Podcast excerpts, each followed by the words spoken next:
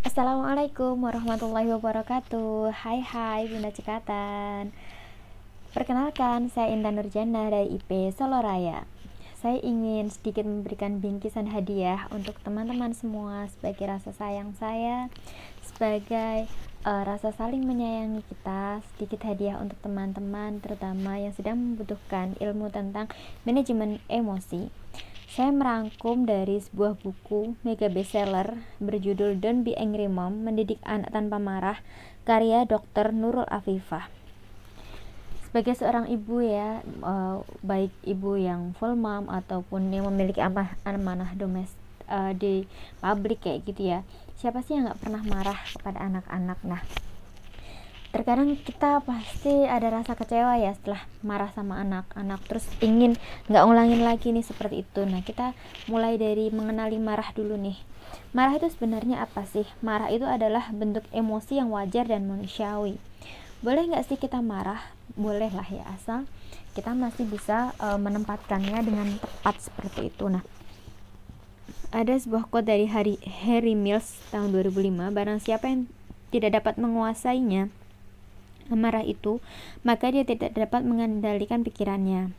Nah, ketika orang tua sering marah-marah gitu ya tentang oh membentak, entah dia melotot, entah dia ekspresi atau apa pun, anak-anak itu nanti akan menirukan gitu ya. Anak-anak pasti akan menirukan bagaimana ketika orang itu mar orang tua itu marah kepada anaknya. Nah, marah ini boleh ya. Boleh sekali lagi uh, ketika anak salah tapi kita harus memilih ekspresi apa yang akan kita berikan saat kita sedang uh, emosi seperti itu. Nah, marah itu beda tipis dengan istilah pemarah atau tukang marah-marah. Nah, kita ingin menjadi marah yang seperti apa nih? Apakah kita bisa marah dengan bijak ataukah marah hanya sekedar marah melampiaskan emosi kepada anak-anak kita?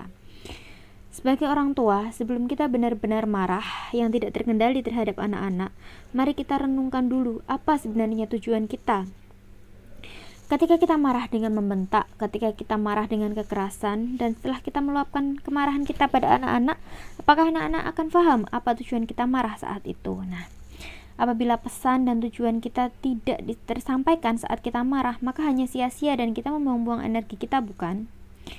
Justru anak akan terluka hatinya dengan bentakan kita, dengan pukulan kita, ancaman, dan sebagainya.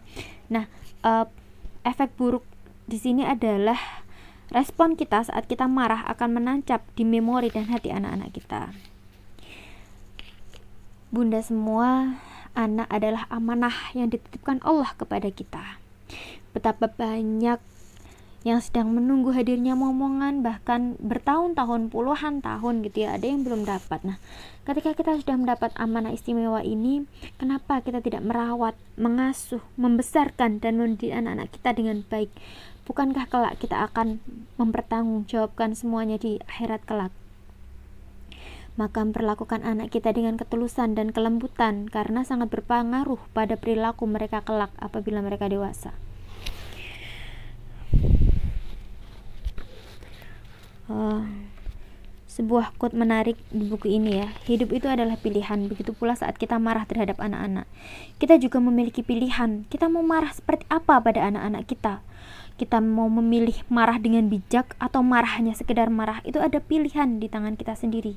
Maka pilihlah pilihan yang tidak menyakiti hati anak-anak kita tidak meracuni pikiran anak-anak kita dan dapat memberikan teladan. Tinggalkanlah cara lama ketika kita memiliki inner child misalkan dan kita bisa memperbaharui cara marah kita supaya kita tidak uh, mewariskan amarah ya kepada anak cucu kita nanti apa sih sebab-sebab marah? Kenapa kita marah? Itu perlu dicari faktornya dulu ya. Why? Kita marah itu kenapa sih? Bisa dari faktor internal, misal kita capek, lapar, ngantuk, mood kita sedang tidak bagus, kita takut, kita stres buru-buru seperti itu. Bisa juga dari faktor eksternal, misalkan sikap anak yang tidak sesuai dengan keinginan kita atau kita memiliki ekspektasi yang terlalu tinggi seperti itu ya kita misalkan ingin anak balita kita mandiri sudah bisa makan sendiri dengan rapi tidak berceceran bisa mandi bisa bersih uh, tidak berantaki rumah kayak gitu ya. Itu terlalu tinggi ketika kita masih memiliki anak balita yang terutama di bawah lima tahun misalkan. Maka dari itu kita bisa menurunkan standar kita kita tarik nafas dulu dalam-dalam. Berikan teladan kepada mereka. Marah itu beda ya dengan tegas. Ketika kita tegas, kita bisa menyampaikan segala sesuatu dengan baik. Tapi ketika kita marah, kita hanya sekedar meluapkan emosi tanpa adanya pengendalian diri. Nah, apa sih dampak marah yang tidak terkendali bagi anak-anak? Yang pertama, itu bisa merusak sel-sel otak anak ya. Suara yang keras dan buntakan yang keluar dari orang tua dapat merusak atau menggugurkan sel otak anak yang sedang tumbuh. Sebaliknya, bila anak mendapatkan satu pujian, pelukan, dan kasih sayang, maka rangkaian otak anak akan terbentuk dengan indah. Satu bentakan saja dapat membunuh lebih dari satu miliar sel otak anak saat itu juga. Banyak juga dampak buruk lainnya nanti di kesehatan, misalkan jantung lelah, kepercayaan diri menurun, anak menjadi penakut, introvert, depresi, dan lain sebagainya. Begitu pula efek marah kepada orang tua orang tua juga akan e, merasakan banyak dampak negatif ya kepada dirinya sendiri seperti kesehatannya e, lebih sering sakit, insomnia, susah tidur ya, stres, menurunkan bonding juga anak dengan ortu. Lama-lama anak akan e, merasa tidak dipercaya, tidak dihargai karena dia sering dimarahin seperti itu. Nah, kenapa sih kita mudah marah kayak gitu? Kita harus mulai mengendalikan marah nih. Caranya gimana? Yang pertama, kuncinya, kunci utama dalam pengasuhan adalah bersyukur dan bersabar. Sekali lagi kita bersyukur karena Allah telah mempercaya kita memberikan amanah anak-anak kepada kita ya Masya Allah. Itu suatu nikmat yang harus kita syukuri karena tidak semua orang mendapatkan nikmat itu. Dan juga anak-anak kita itu mengalami masa balita ini hanya sebentar nggak lama kok. Mereka akan tumbuh menjadi remaja akan menjadi dewasa. Suatu saat akan ada masanya kita nanti justru rindu dengan mereka rindu dengan suara mereka rindu dengan keceriaan mereka yang mewarnai hari-hari kita setiap harinya ya. Ada di mana ada masa di mana mereka mungkin akan mencari ilmu jauh dari kita seperti itu. Maka menikmati ya setiap momen yang ada saat ini, bersyukur dengan kehadiran mereka itu jangan sampai uh, kita sia-siakan kayak gitu. Rumah yang berantakan bisa dirapikan lagi kok, yang bers yang kotor bisa dibersihkan lagi kok kayak gitu. Tapi hati mereka yang terluka akan sulit untuk diobati nantinya. Nah, Ketenangan itu menular, begitu juga dengan kecemasan. Ketika orang tua tenang, maka anak-anak akan lebih tenang. Tapi ketika orang tua cemas, maka anak-anak akan menjadi lebih cemas. Kita harus lebih fokus kepada kelebihan anak, bukan selalu mengingat kesalahan dan kekurangan anak kita. Kita juga bisa mengenali minat bakat anak supaya bisa mengarahkan ketika mereka terlalu aktif misalkan oh ternyata dia emang tipe kinestetik maka kita bisa menstimulasi kegiatan anak-anak supaya mendukung minat dan bakat mereka. Nah salah satu tips juga nih moms buat yang uh, sering emosinya masih meledak-ledak. Coba nih uh, kita cari support sistem terbaik kita ya yaitu pasangan. Sudah komunikasi produktif belum nih dengan pasangan kayak gitu ya? Sudah uh, sering ngobrol bareng belum? Sudah ada quality time setiap hari belum nih? Yang mindful ya dengan pasangan tanpa gadget benar-benar berdua ngobrol dari hati ke hati.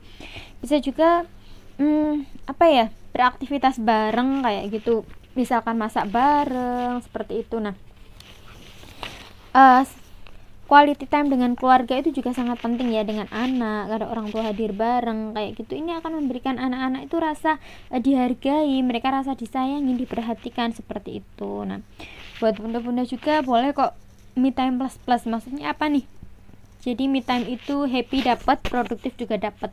Bisa memberi manfaat untuk diri sendiri anak keluarga juga masyarakat luas. Misal nggak usah lama-lama. Misal kita sehari kita punya waktu quality time dengan Allah gitu ya.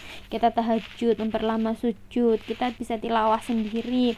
Kita bisa baca buku atau nonton apa. Misalkan sekali ya nonton film yang kita suka atau kita melakukan passion kita. Misalkan menulis traveling dan sebagainya dengan uh, kita sendiri seperti itu. Mengambil jeda sejenak itu boleh kok kayak gitu supaya kita tidak terlalu uh, merasa stressing kayak gitu ya dengan kegiatan harian. Misalkan kita olahraga dan sebagainya.